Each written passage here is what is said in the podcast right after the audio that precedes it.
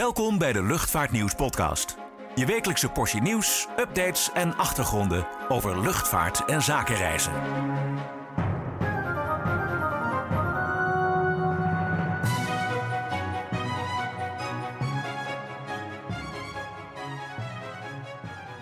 Ja, hallo en eh, welkom bij een nieuwe aflevering van de Luchtvaartnieuws podcast. Mijn naam is Klaas-Jan van Voerkom en ik zit hier weer met mijn collega Richard Schuurman. Ja, Richard, wat een, eh, wat een week eigenlijk. We, we zitten hier op Schiphol en er is al het nodige gebeurd op Schiphol en er gaat het nodige gebeuren op Schiphol, want de, de cap gaat eraf, de restrictie van het aantal reizigers. We, we kunnen weer, alle problemen zijn ineens opgelost. Niet te hard van stapel, Klaas-Jan, niet te hard. Jawel, maar de, de jawel. tent kan weg. De, de, de, de, de interim CEO, Ruud Zondag, die heeft gewoon orde op zaken gesteld. En, eh, en ja, hè, er zijn geen wachtrijen meer inderdaad en die tenten kunnen weg. Dat, is het zo of is het... Ik maak een disclaimer, er zijn naar verwachting geen wachtrijen meer. Maar eh, hè, Ruud zei wel, de tent kan weg. De Van tent waar we zo lang hebben ingestaan. Ik heb er zelf ook een rondje in gemaakt om twee uur te moeten wachten voordat ik de beveiliging van Schiphol vorig jaar zomer door was. Maar hij is niet meer nodig, zegt Schiphol nu. Want zij hebben het probleem naar eigen zeggen onder controle. Ja, want nog even heel kort samengevat. Hè. Vorig jaar zomer was er eh, een tekort aan beveiligers vooral. Ja, Hè, als resultaat van eh, nou ja, veel gedwongen vertrekken. Ja. Of misschien ook wel vrijwillige vertrekken, maar voornamelijk vanwege gedwongen. onderbetaling. Hè? Je krijgt bijna niet betaald. Ja, nou ja, plus dat natuurlijk in de coronacrisis er veel minder beveiligers nodig waren, eh, bijna twee jaar lang. Ehm, die mensen kwamen niet meer terug, tenminste niet allemaal.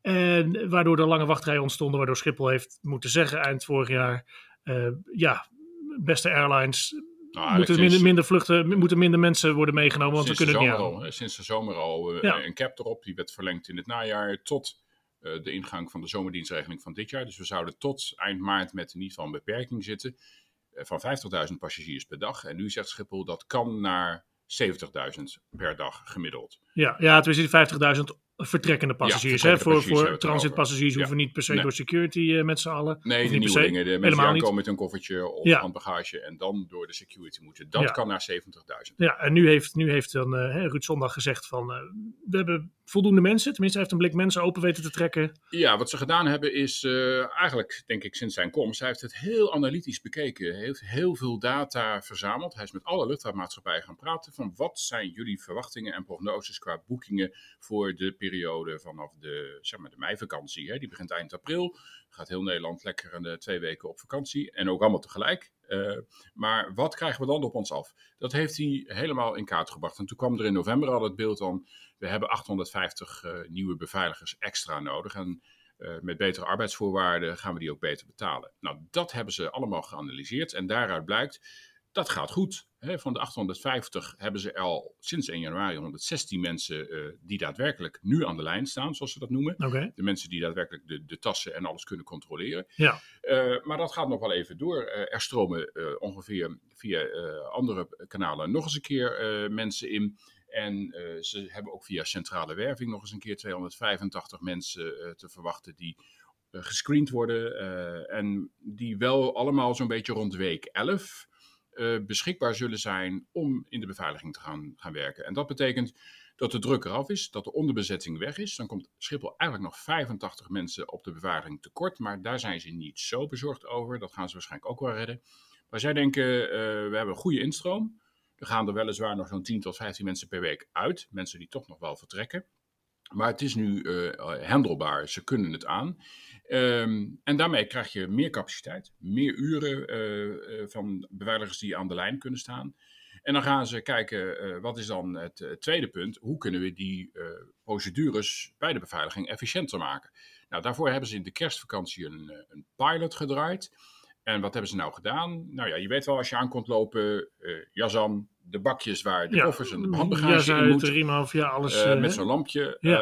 Eh, daar gaat het vaak al mis. Eh, mensen nemen te veel bakjes. eh, eh, gooien van alles eh, apart in een bakje. Dus ja, zodat je, Maar dat moet. Hè, want je laptop, nou, het mag, het, je mag, maar Het mag erin blijven Je moet erin blijven zitten, toch? Ja. Ja. Het enige wat, je, wat moet je er nog uithalen? Nou ja, eigenlijk, eigenlijk, eigenlijk niks. Vloeistof toch, mag er ook in. Ja. eh, gemiddeld hebben, eh, heeft elke reiziger 1,4 bakje nodig. Ja, oh, nou, dan, dan, ben- dan ga ik over het gemiddelde heen, want ik heb altijd ontzettend veel zooi mee. Juist, nou, dat Ja. moet dus anders. En dus komen er, voordat je die, eh, die lijn opgaat, komen wat mensen die je al wat instructies geven. Je krijgt straks ook een social media campagne die je vooral thuis moet bekijken van hoe kun je slim je bakje indelen. Ja. Gezinnen, gooi alles maar met elkaar in één bakje. Niet elk gezin zit zijn eigen bakje. En dan komen er dus minder van die bakjes door de CT-scan. En Ja. die CT-scan, daar gaat ook wat veranderen. Eh, ze zijn gemiddeld zo'n 15 seconden bezig om elke bakje uit te lezen. Ja, Dat kan ook wat sneller. ja. Ehm, en, en ook het eventueel inschrijven van wat, wat, wat extra bakjes van de andere kanten, dat levert capaciteit op.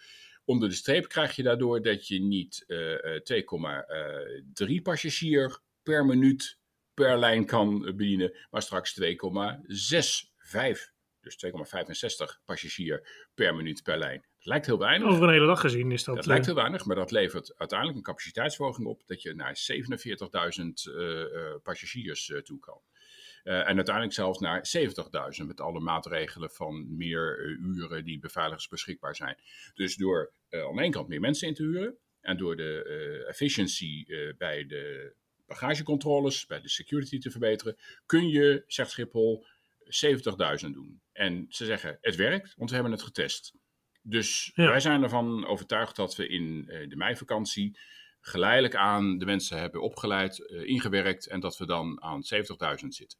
Maar er zit er nog een, toch nog wel een bottleneckje. Ja, En dat bottleneckje zit hem op de piekdagen. In die meivakantie zijn er vijf tot ongeveer tien dagen, waarin er met name in de, in de ochtenduren tussen 6 uur s ochtends en 11 uur s ochtends eh, toch nog wel te veel passagiers komen. Dan zou eigenlijk de capaciteit, hè, dan zouden we op Nog negen- hoger, 79.000 eh, reizigers per dag eh, uit gaan komen op die piekdagen. Nou, dat piept en kraakt. En daarvoor is Schiphol dus nu met de airlines in gesprek.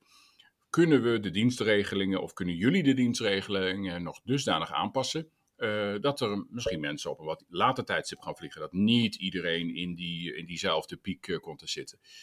Eh, dat hoopt hij vrijwillig te doen. En als ik zo de reacties lees van de maatschappijen, die lijken wel bereid te zijn om daar mee te werken. Ehm, dan zou dus dat piekprobleem opgelost kunnen worden. En heeft Schiphol het in ieder geval weer onder controle. Ruud Zondag nuanceert het wel. Die zegt, ja, eigenlijk gaat het maar om 20.000 stoelen op een totaal van 3,5 miljoen in die hele periode rondom de meivakantie, Ja. eh, die we eigenlijk krap zitten. Dus Hm. hij denkt dat maatschappijen die nog aan het fine-tunen zijn met hun dienstregelingen, eh, bereid zullen zijn om hun eh, schema's aan te passen.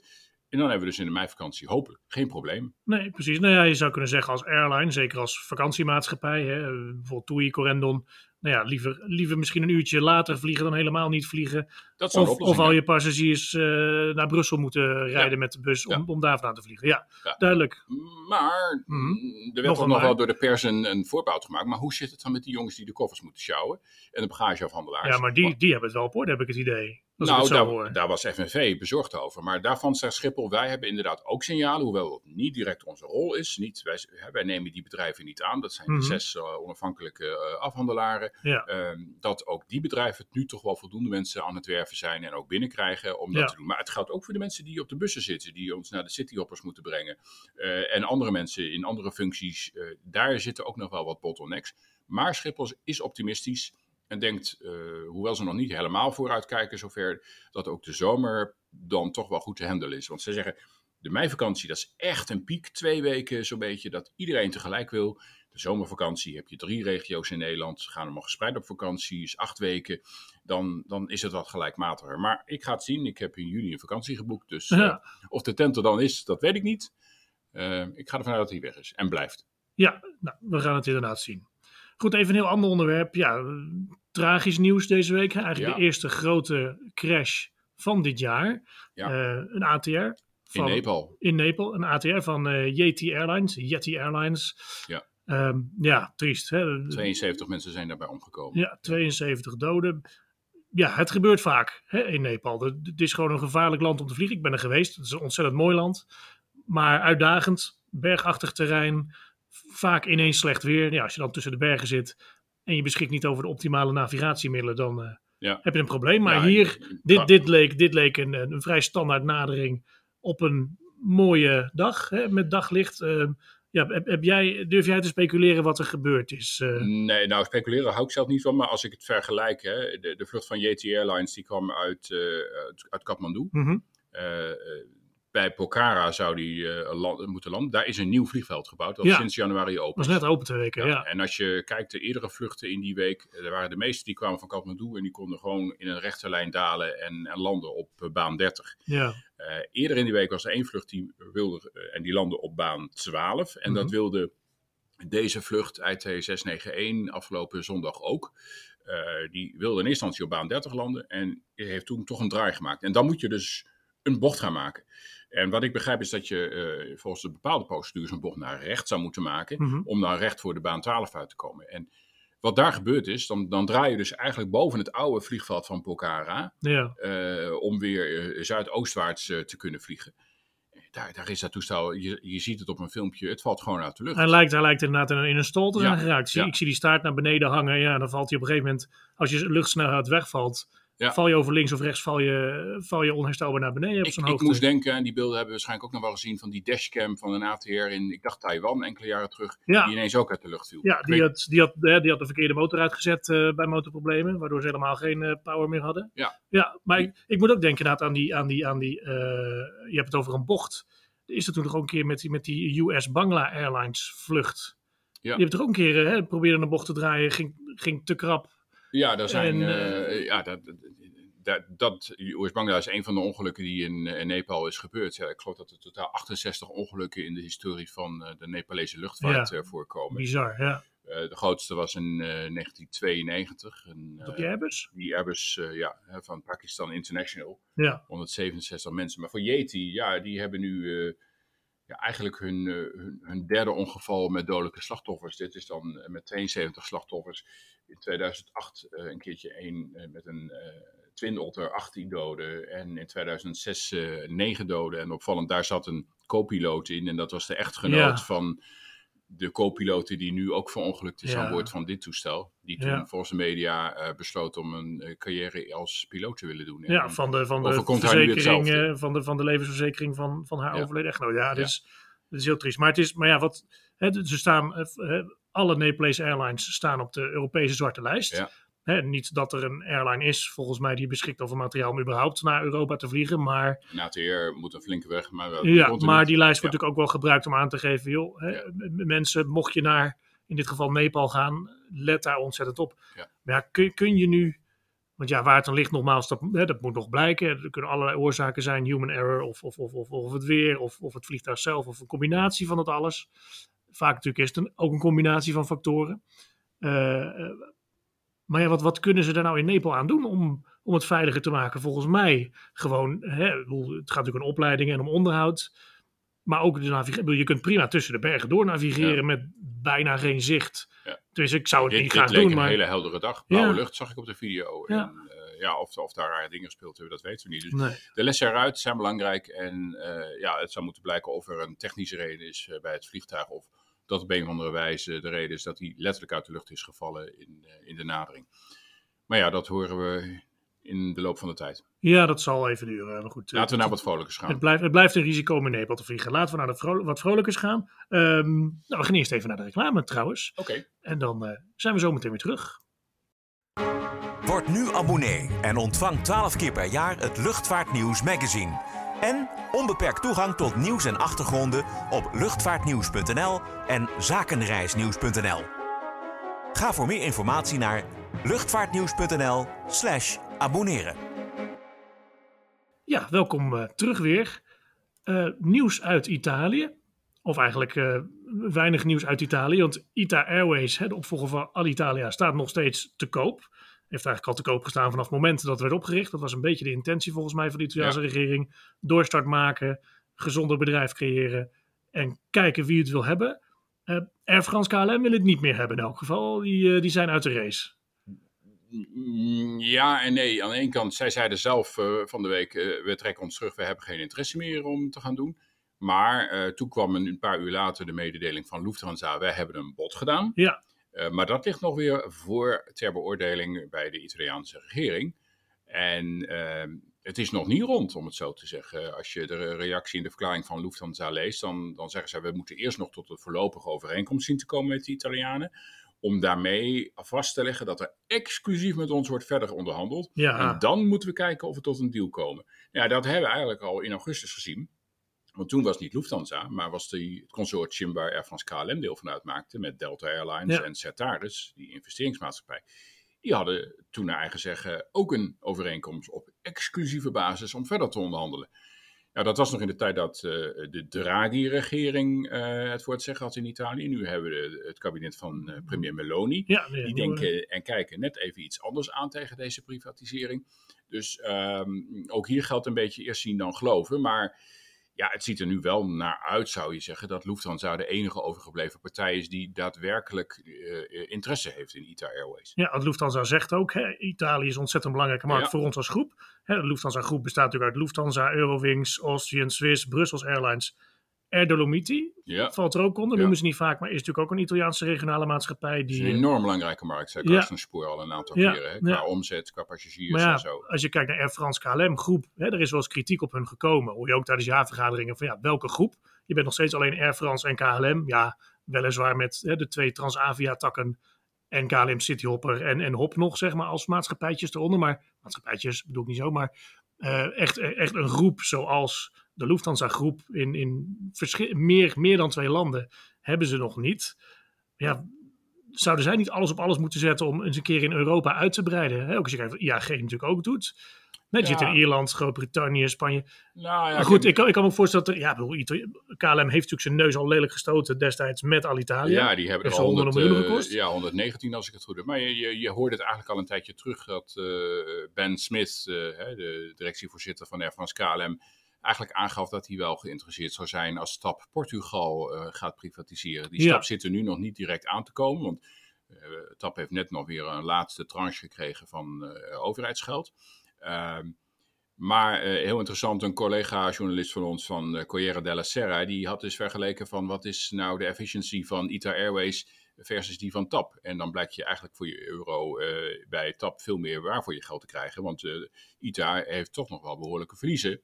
Daar gaan Ja. we weer, net eigenlijk Alitalia met een nieuw sausje. Ja, precies. Eh, Machtige en- vakbonden die, eh, net als de Franse Ja, bonden... maar ze hebben nog niet de omvang. eh, de, de vlootvernieuwing komt er natuurlijk in de loop Nee. van dit jaar echt op gang. Eh, maar eh, een investering in TAP zou voor Air France KLM strategisch misschien wel interessant qua, kunnen qua, zijn. qua Zuid-Amerikaans netwerk onder andere Ja. is TAP natuurlijk al heel sterk. Om, Ja. Ook om tegenwicht te bieden aan de toch- Spanjaarden. ja, waar, ze, waar ze natuurlijk met Air Europa samenwerken. Maar die worden mogelijk, worden mogelijk opgeslokt weer door Iberia. Maar dat is inderdaad ook nog niet zeker. dat is ook nog niet zeker. Nee, Maar- ik, ik denk dat er toch wel inderdaad koud, koud, watervrees, moet ik zeggen, Koud zit bij, eh, bij de mensen in Parijs en Amsterdam. Van Ja. eh, wat moeten wij met die Italianen? Nou ja, niet, niet onterecht, want inderdaad, het is Nee. stakingsgevoelig. Ja. Eh, dit- er zit veel nationale trots. Nou ja, daar hebben ze er in Frankrijk ook genoeg van. wil, wil je twee hun- druktemakers in, in, in een groep, zeg maar, Ja. hebben waar het fout kan lopen? Ja, plus het geld. Ik bedoel, ja, Frans KLM heeft natuurlijk ook eh, tikken gehad van de crisis. Die hebben ook zeg maar de miljarden niet op de plank liggen om zomaar te verbrassen, zou En je ze zeggen. mogen nog niet. Hè? De, de, de, de voorwaarden zijn dat ze hebben natuurlijk staatssteun gekregen in Mhm. de coronacrisis. Die is nog niet volledig afbetaald. Daar zijn ze wel druk mee bezig bij Air France KLM. Maar zolang zij niet de laatste euro hebben terugbetaald aan de Franse en Nederlandse regering, zijn ze niet zomaar vrij om eventjes een bedrijf over te nemen. Nee, maar En KLM, heeft, stap- KLM heeft wel terugbetaald. Ja, toch? maar je hebt toch nog wel een deel van de leningen openstaan. Van de financiering staat nog steeds open. eh, eh, Ja, de garantstellingen, zeg maar. Ja, precies. Ja, ja, maar. Lufthansa heeft wel inmiddels alles afbetaald. En Hm. is dus volledig vrij om weer zijn eigen koers te bepalen. Maar het is een groot risico voor Lufthansa. Als zij eh, miljarden gaan investeren, en zoals nu naar lijkt, valt dat ook nog wel weer mee. 300 miljoen in eerste instantie. Met de mogelijkheid dat ze meer investeren om heel ITA te krijgen in verloop van tijd. Ja, dan moet daar toch eh, boter bij de vis. En eh, hoe pakt dat uit? Hè? Ik denk dat ze in Abu Dhabi denken, jongens, veel succes daarmee. Want Ja. eh, Etihad heeft dat zelf geprobeerd. Ja, En is Air uit Rome teruggegaan. ja. En, en zo zijn er meerdere partijen geweest die het geprobeerd hebben. Het lukt maar steeds niet. Of in Qatar was het toch met Air Italy trouwens. Dat was met de Air Italy, was met Qatar Ja, precies. Ja, was met ja, Alitalia destijds. Ja, ja, dit ja. had ik even door elkaar. Ja, Ja, ja. Maar goed, in ieder geval, conclusie. Bij twijfel niet oversteken. Eerst Nog eens even even zien wat er in, in Rome gaat gebeuren met ITA. Ja, precies. Ehm, dan nog even kort. Ja, je schiet me ineens te binnen. We hadden het net over Schiphol en over de FNV. Eh, even heel kort. Ja, een opvallende move. Ja, Eigenlijk FNV-voorman Joost van Doesburg, eh, die, die wij ook wel goed kennen eigenlijk. Die eh, ja, de afgelopen vier jaar behoorlijk fel van leer is getrokken tegen wat er allemaal op Schiphol in, in de ogen van de FNV mis was. Die wordt nu in één keer vrachtbaas eh, bij Schiphol bij, bij de Schiphol-groep. Ja, Opvallend. Ik, ja. Ja, ik, ik denk wel, ja, logisch. Als je, ik zeg, als je zoveel kritiek hebt, dan moet je zo'n persoon eigenlijk binnenhalen. Want die persoon weet wat je het beter zou moeten doen. ik begrijp dat hij grote affiniteit heeft met de cargo-markt. Ja, Evo dat- Venedex heeft hij onder andere gezeten voor zijn vakbondsperiode. Maar het is inderdaad wel opvallend. Eh, het hoeft dan natuurlijk ook elkaar niet helemaal in de weg te zitten. Nee. Een vakbondsman die bij, eh, bij een bedrijf gaat. Maar het, is toch een beetje, ja... Naar de buitenwereld komt het over van, goh, degene met de grootste mond, die treedt nu toe bij de partij waar hij altijd kritiek op had. Eh, al had hij natuurlijk ook heel veel kritiek op KLM en, en, Ja. en, was Ja, dat op, dat op. KLM Nee, gericht. We zeggen, we gaan ook niet op de persoon zitten spelen. hier. Het is, het is Nee. opvallend. Ik denk dat, ik, nou ja, op, op zich gewaagd. Maar ook als je kijkt naar de uitleg die Schiphol erover geeft. Hè, van ja, we zijn het niet altijd met elkaar eens geweest, maar wel altijd met elkaar in gesprek gebleven. Ja, Ik ben heel benieuwd. Want het is wel, als je kijkt naar Schiphol natuurlijk als vrachthub. Hè, dat, dat, sneeuwt wel eens onder. Want het gaat alleen maar over de passagiers nu door, hè, door die chaos. Maar vracht is natuurlijk tijdens de coronacrisis ontzettend belangrijk gebleven. Hè, voor, voor de hele westerse wereld eigenlijk. Zeker voor medische de kurk waar, de, de economie op eh, bleef Ja, drijven. ja. Luchtvracht. eh, Schiphol waren natuurlijk heel veel slots vrijgekomen die tijdelijk werden ingevuld, ook door vrachtvluchten. Ja. goed, en ook als je ziet, ze zijn behoorlijk aan het uitbreiden. Hè, hier aan de andere kant van de Kaagbaan. Met de nieuwe, nieuwe vrachtplatforms en nieuwe, nieuwe vrachtgebouwen. Nou, dat is wel goed, denk ik. Ik Denk, ook als je het hoort vanuit hè, de, de, de, de vrachtsector in Nederland, die zijn wel blij. Hè, dat op Schiphol toch, ik bedoel, op Parijs is een grote vrachthub. Keulen hebben we hier redelijk om de hoek. Eh, Luik. Ja, ja, het is, het een is goed dat we dat hier houden, denk ik. Het is een bevestiging dat, eh, dat dit een prioriteit is bij Schiphol. Ja, dat bedoel en, ik, eh, ja. en, en we moeten zien hoe dat gaat lopen. Maar ja, een interessante ontwikkeling in ieder geval. Of één man dat kan trekken. Maar in ieder geval, hij heeft nu natuurlijk als dan de voorman van Vracht bij Schipholgroep... in ieder geval de focus hierop. Dus kijken hoe die ontwikkelingen de komende jaren gaan. Precies. Ehm, nou goed, jij bent nu eh, eh, net nieuw, dus ik wil je helemaal niet aan een andere baan helpen. Maar Oh. ik zag, eh, nee, absoluut niet. ik zag dat er een eh, interessante eh, eh, vacature is bij, bij Netflix. Voor, eh, voor eh, flight attendant, stewardess zeiden we vroeger, maar eh, flight attendant, cabin attendant. Eh, blijkbaar vliegen de Netflix executive rond met een, eh, met een Gulfstream, met een G550. Dus Ja. Mooi toestel, hè? Geef, ze, geef ze ze ongelijk. en daar hebben ze een vacature voor. Ja, die zoeken een flight attendant. Eh nou ja, goed, die, de, Moet ook zo te krijgen zijn. Of, die moet, nou ja, die moet zo te krijgen zijn inderdaad. Based in, eh, in California. Dus nou, dat is voor ons een klein beetje uit de buurt. Ehm, nou, waarom heeft Netflix überhaupt een nou ja, inderdaad. Bedoel, vliegtuig? Nou ja, moeten, moeten, je- moeten die bazen over rondvliegen. Vanuit Californië heb je toch veel lijnvluchten. Maar goed, in ieder geval, nee, wat, me- wat me opviel was het, wat het salaris. Dat is eh, market range typically 60.000 tot 385.000 dollar. per jaar neem ik aan. Nou ja, dat staat er dus niet bij. Nee, per uur. Nee, maar ehm, Nou ja, voor een business jet kun je misschien wat meer vragen. Maar eh, ja, 385.000 dollar, dat, dat verdient een airline pilot nog niet eens. eh. nee, nee dan, eh, in Nederland hadden we dan de bouwkende hè? Ja, ja, nou ja, misschien, eh, misschien dat ze er een serie van gaan maken. Een documentaire in de zoektocht naar of zo. Maar je zou zeggen, Ik, ik kan me zo voorstellen dat eh, de, de, de mailbox uitpelt van mensen die zeggen dat wil ik wel. Ja, Dus, ja nou eh, goed, wij willen niet. Wij zitten liever hier gewoon lekker op Schiphol eh, wij blijven gewoon dit, dit te doen. Ja goed, mocht iemand die luistert geïnteresseerd zijn, jobs.netflix.com, daar, daar kun je solliciteren. Wel even je credentials goed meegeven. Ja, ja nee, je kan van alles invullen. eh, ook over je achtergrond trouwens. Hoe je aangesproken wil worden, wat je oriëntatie is op allerlei gebieden. Ja. Dus eh, een behoorlijk inclusief eh, bedrijf. Maar, nee, maar goed, alle details dan is op de website van eh, Netflix. Ik heb het vorige week al genoemd, hè? het eh, januari-nummer is uit. Als het goed Ja. is eh, bij de abonnees een beetje op de mat op. Hij De ligt hier, eh, 7478 staat daar uitgebreid in. Ja. Wat we begrijpen is dat Boeing 7478, de aller, aller, aller, allerlaatste, eh, dat die op 31 januari in Seattle wordt afgeleverd aan Atlas Air. Dus Ja, nou, we houden het in de gaten. we houden hem in de gaten. Gaan we erheen? Misschien Zullen we eens even Boeing bellen? kunnen we doen. Maar doen we niet in de uitzending, doen we zo meteen. Ja. Goed. Nou, in ieder geval aan de luisteraars. eh, alvast bedankt weer voor het luisteren voor deze week. Tot volgende week. Tot volgende week inderdaad. En vergeet natuurlijk niet eh, voor het laatste nieuws. Zijn onze websites altijd in de lucht. Luchtvaartnieuws.nl en zaakreisnieuws.nl. En ben je nog geen abonnee? Snel aanklikken dat je het wordt. Precies. En volg even deze podcast. Dan eh, kom je elke week automatisch. komt deze dan in je Spotify-lijst. Goed, tot de volgende keer. Bedankt voor het luisteren naar de Luchtvaartnieuws podcast. Voor opmerkingen, vragen of suggesties, mail ons redactie@luchtvaartnieuws.nl. Een fijne dag en graag tot de volgende podcast.